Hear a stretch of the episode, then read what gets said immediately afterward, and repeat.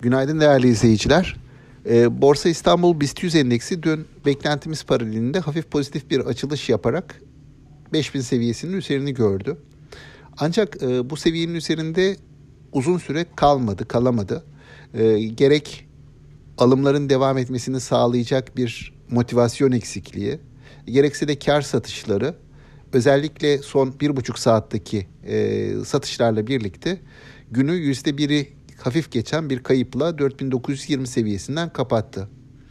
E, dünkü satıcılı seyirde özellikle artan mevduat maliyetleri sonrası marj baskısı nedeniyle e, önceki çeyreğe göre karlarında bir gerileme e, beklentisi olan bankalar e, başı çekti.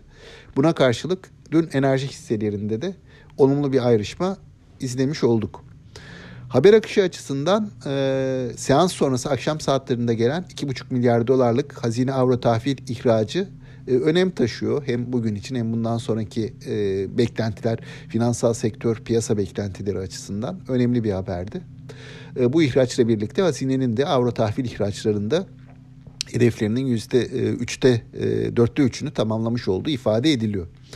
Diğer taraftan yurt dışı tarafa baktığımızda yurt dışı tarafta da hisselerdeki alım ivmesinin e, nispeten hız kestiği ve gelecek hafta başlayacak bilanço dönemi öncesi e, nispeten sakin bir durumun olduğu dikkat çekiyor. E, Borsa İstanbul'da belirsizlik algısı nedeniyle e, alımların güçlü bir ivme oluşturmakta zorluk çektiğini gözlemliyoruz.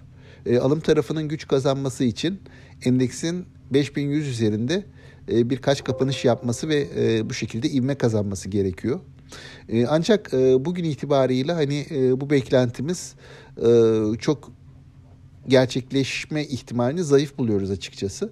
Bugün daha ziyade endeksin yatay bir bantta e, hareket etmesini bekleriz. Sağlıklı, bol ve bereketli kazançlı günler diliyorum.